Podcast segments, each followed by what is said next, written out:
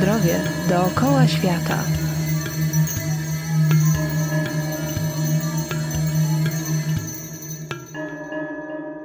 Cześć, nazywam się Kinga Tuńska i zapraszam Was na audycję Zdrowie dookoła świata.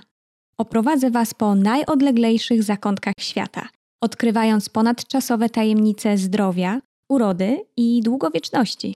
Przemierzę szlaki od Indii po Amazonię w poszukiwaniu tradycyjnych, lokalnych metod uzdrawiania, począwszy od ziołolecznictwa, leczenie dietą, po rytuały szamańskie. Przekonamy się, jak wiele z tych metod nadal ma cudowną moc uzdrawiania, tak dziś potrzebną zagubionemu w cywilizacji człowiekowi XXI wieku. W dzisiejszej audycji odwiedzimy Indię, by przyjrzeć się z bliska znanej i cenionej na całym świecie praktyce jogi. Jak wiemy, yoga ma zbawienny wpływ na nasze ciało i umysł. Redukuje stres, usprawnia nasze ciało, sprowadza nas tu i teraz – Istnieje wiele szkół jogi, ale czym tak naprawdę jest yoga? Jak wpływa na nasze zdrowie? Czy może odmienić nasze życie na lepsze? Na te pytania odpowie nam dzisiejszy gość Antoni Wojtaś, który jogę praktykuje od ponad 10 lat, a naucza jej od 5. Nauki pobierał w samych Indiach, gdzie przeniesiemy się dziś, by uzyskać przepis na dobre zdrowie i spokój ducha. Jakie są główne założenia jogi? Główne założenie takich ćwiczeń polega na tym, że wchodzimy w różne pozycje pozycje stojące, siedzące, wygięcia do tyłu, wygięcia do przodu, pozycje ze skrętem. No I w każdej z tych pozycji rozciągamy ciało, wzmacniamy, w każdej z tych pozycji y, dotykamy jakiegoś konkretnego obszaru. Dołączamy do tego taki obszar wewnętrznej obserwacji ciała, wewnętrznego czucia i głębokiego skupienia na ciele, które tak naprawdę w dużym uproszczeniu odróżnia jogę od różnych ćwiczeń fitnessowych, czy rozciągających, czy stretchingu, czy innych metod. Yoga docelowo łączy w sobie właśnie takie ćwiczenia stricte fizyczne, w cudzysłowie to mówię, z głębokim odczuwaniem i pracą z uwagą i koncentracją. Co praktyka jogi wniosła do Twojego życia?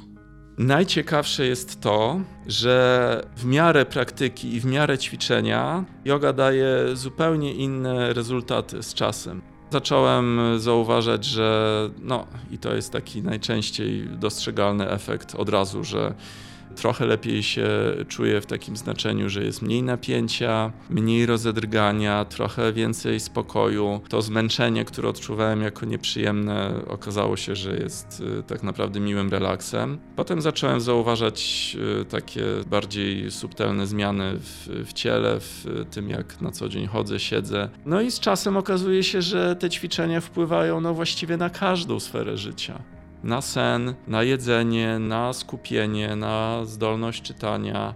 Właściwie każdy obszar się zmienia, ale trzeba do tego nieco cierpliwości i trzeba po prostu tej metodzie zaufać, żeby się nie zrazić. Jak yoga wpływa na nasze zdrowie i samopoczucie? Główną zaletą tych ćwiczeń dla takiej osoby, która no, albo wcześniej nic nie ćwiczyła, albo ćwiczyła inne rzeczy, jest to, że po pierwsze odblokowujemy napięcia nagromadzone w ciele, szczególnie związane z brakiem ruchu. Odblokowujemy również te napięcia nagromadzone poprzez no, różne napięcia psychiczne, różne nagromadzone, zamrożone w ciele emocje. Odblokowujemy poprzez y, pracę z ciałem. Mówiąc w dużym uproszczeniu, przez taką odwrotność, że kiedy napięcia psychiczne, stres, różne negatywne emocje i brak ruchu powodują, że ciało sztywnieje, napina się i też bardzo dużo procesów y, nie tylko związanych z układem ruchu, ale też hormonalnych, emocjonalnych gromadzi się w ciele, to poprzez y, ćwiczenia fizyczne, tak jakby działając odwrotnie, odblokowujemy. No i od razu też jest to odczuwalne jako właśnie spokój, jako relaks, jako odpuszczenie i też wyciszamy układ nerwowy. Można też tak na głębszym poziomie, no to zmierzamy do tego, żeby w pewnym sensie różne reakcje i reaktywność y, układu nerwowego i umysłu na świat zewnętrzny, na różne bodźce, których jest często bardzo dużo, troszkę powściągnąć i przyhamować. Dla niektórych ludzi yoga wydaje się przerażająca, bo nie potrafią skupić się w trakcie ćwiczeń. Myśli zaczynają krążyć im w głowie, przez co szybko się zniechęcają i wybierają na przykład siłownię może się to na początku wydawać niezbyt jasne połączenie, ale absolutnie nie można tutaj rozdzielić stanu ciała od stanu umysłu i tak jak mówisz, Dla niektórych nawet, bym powiedział, łatwiejsze są ćwiczenia, mocne pozycje, rozciąganie, skakanie i stanie na rękach, niż na przykład położenie się do relaksu, którym zawsze każde zajęcia jogi się kończą albo powinny kończyć. Często trudno jest w tych y, pozycjach wytrzymać, często jesteśmy przyzwyczajeni do różnych gimnastyk, y, biegania i aktywnego ruchu, a w pozycjach statycznych okazuje się, że bardzo trudno jest wytrwać, ale też tym samym ćwiczymy w pewnym sensie cierpliwość, umiejętność odpuszczania. Ćwiczymy też takie godzenie się z tym, że mamy jakieś ograniczenia w ciele i że one są takie, jakie są i że możemy zrobić tyle, ile możemy i że to nie jest koniec świata. I w pewnym sensie też w kontrolowany sposób na tych zajęciach wprowadzamy się w różne trudne pozycje, trudne ułożenia, generujemy w cudzysłowie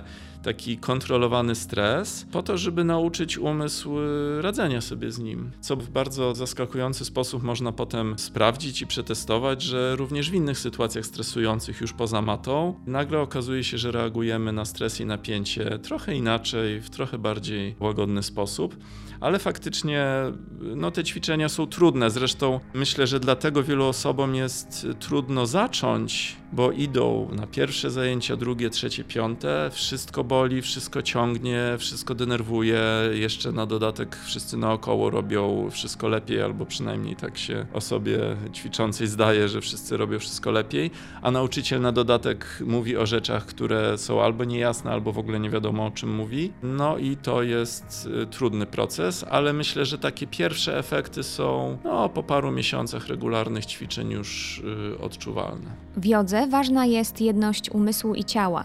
Nie koncentrujemy się tylko na ćwiczeniach fizycznych. Jak ciało i umysł wzajemnie na siebie wpływają?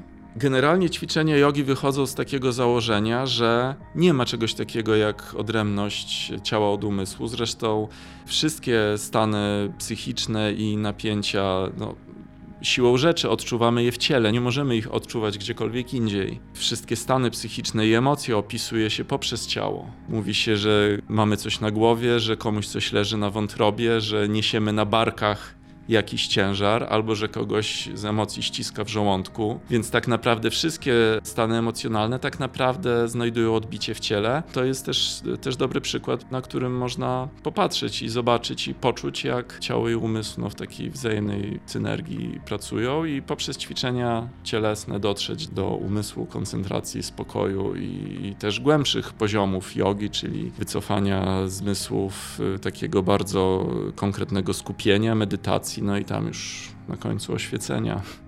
Yoga to również forma medytacji, rodzaj mentalnego oczyszczenia. Czy za pomocą jogi możemy pozbyć się złego samopoczucia, dręczących nas emocji? to jest takie wyświechtane hasło, ale powiedzmy, że wśród tak zwanych ludzi zachodu jest częste takie podejście, że no tam ciało ciałem i można pobiegać, można poćwiczyć, ale umysł to zupełnie odrębna rzecz i jeżeli się dzieje coś na poziomie umysłu, napięcia, jakichś stanów różnych takich, których sobie nie życzymy, to bardzo często funkcjonuje właśnie takie podejście, że trzeba coś zrobić z głową. To jest najczęściej rozpatrywane jako osobne względem ciała. No a yoga już to wie od y, tysięcy lat, a też różne nowe badania, zarówno neurobiologiczne, jak i psychologiczne, pokazują, że poprzez pracę z ciałem nad psychiką można pracować i też, że jest to nierozerwalne. No i w zdrowym ciele jest nie tylko zdrowy duch, ale też zdrowy mózg każda reakcja emocjonalna i każde napięcia psychiczne, jakie odczuwamy, od razu skutkują zmianą biochemii mózgu i układ hormonalny pracuje i wpływa na ciało. I dlatego ćwicząc techniki pozornie, wyłącznie skoncentrowane na ciele, od razu też docieramy do sfery psychicznej. Uczyłeś się jogi m.in. w Indiach, spędziłeś tam sporo czasu. Co Cię zafascynowało w podejściu Hindusów do zdrowia, a także do samej jogi? To już była zresztą moja kolejna podróż do Indii, ale pierwsza wizyta w, właśnie w Instytucie Engara. To, co tak naprawdę najbardziej mnie urzekło tak w Indiach w ogóle, to jest to, że absolutnie wszystko jest tam inaczej niż u nas. Jeżeli chodzi o praktykę jogiczną, to zorientowałem się, że ta yoga nauczana na przykład właśnie w Instytucie Engara tak mocno i ściśle i na takim głębokim poziomie łączy w sobie pracę z ciałem, z umysłem, z intelektem, z ego, z psychiką i z duchowością, że bardzo często jest tak, że ćwiczenia pozornie, wyłącznie fizyczne, ćwiczenia jogi, prowadzą do bardzo wielu przemian na różnych y, polach. Zarówno jeżeli chodzi o napięcie, skupienie, psychikę, poczucie komfortu, relaksu, też głębokie takie czucie ciała, bo często to, co robimy właśnie przez ten podział, o którym mówiłaś, że rozpatrujemy, że nasze emocje i stan psychiczny to jest jakaś zupełnie osobna sprawa i ciało nie ma nic do rzeczy, to często jest zaskakujące dla wielu osób, że właśnie poprzez ćwiczenia nagle w tych obszarach czują się lepiej. Czym zachwyciły Cię Indie? No ja się w Indiach zakochałem od razu. Nie chcę mówić, że głównym powodem, dla którego się wybrałem za pierwszym razem do Indii było jedzenie, ale no niewątpliwie kuchnia hinduska to jest absolutnie inny wymiar. Jest to raj dla wegetarian, ponieważ właśnie w Indiach jest no, wyjątkowo długa tradycja, też związana właśnie z, częściowo z religiami, częściowo z tradycją właśnie kuchni wegetariańskiej. Jest bardzo wyraźny podział na e, miejsca i na kuchnię właśnie mięsną i bezmięsną. Bardzo często z uprawianiem jogi czy podążaniem jogiczną ścieżką kojarzy się niejedzenie mięsa które nie jest obowiązkowe. Wiele osób ćwiczy i spożywa mięso, nawet wielu nauczycieli jogi, których znam, też spożywa mięso. Ale oczywiście no, jednym z elementów tej filozofii jogicznej jest niespożywanie mięsa, głównie związane z e, ahimsą, czyli takim przykazaniem e, niekrzywdzenia, które się oczywiście też rozciąga na zwierzęta. Kiedyś jadłem mięso, zanim zacząłem ćwiczyć i nie miałem absolutnie takiego zamiaru, żeby przestawać jeść mięso, ale w pewnym sensie nastąpiło to samo, tak jakby intuicyjnie. I okazało się, że zacząłem się czuć zdecydowanie lepiej, zdecydowanie lżej zupełnie inaczej mi się ćwiczyło, zupełnie inaczej mi się oddychało i to, co przyjąłem i włączyłem na stałe do swojej diety z kuchni indyjskiej, no to czosnek, imbir, bardzo ostre potrawy i różne mikstury ziołowe, imbirowe, które w zasadzie nie wyobrażam sobie dnia, żeby ich nie spożywać. I tak naprawdę uważam, że poza jogą i ćwiczeniami, które wykonuję i różnymi praktykami, które oczywiście wpływają na zdrowie, na odporność, na krążenie i wiele innych aspektów zdrowotnych, no to też właśnie te mikstury i potrawy, które spożywam, trzymają mnie przy zdrowiu. Podzielisz się z nami przepisem na jedną z tych mikstur na zdrowie? Mikstura, którą absolutnie każdemu zaleciłbym w każdej chwili na wszystko. Świeżo posiekany imbir, kurkuma, pieprz, goździki, kozieradka, kardamon. Zalewamy wrzątkiem, parzymy albo gotujemy nawet przez kwadrans z miodem, solą, cytryną. Ja jestem absolutnie przekonany, że to jest mikstura, która mnie trzyma w zdrowiu od wielu lat. Co mógłbyś poradzić osobom, które chciałyby rozpocząć swoją przygodę z jogą?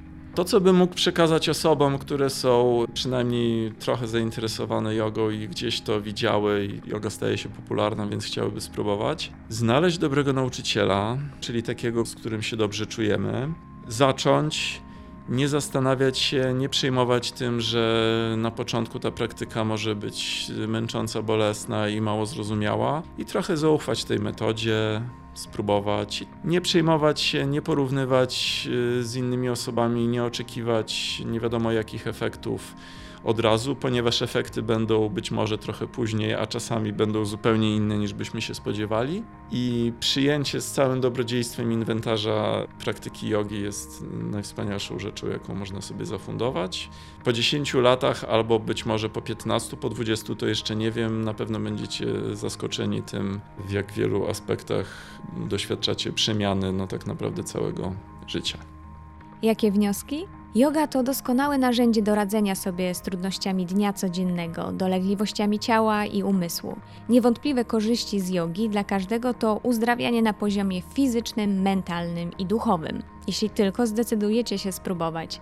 Z własnego doświadczenia wiem, że warto. Moim dzisiejszym gościem był Antoni Wojtaś. Zapraszam na kolejną audycję zdrowia dookoła świata. Żegnam się z Wami, Kinga Tuńska.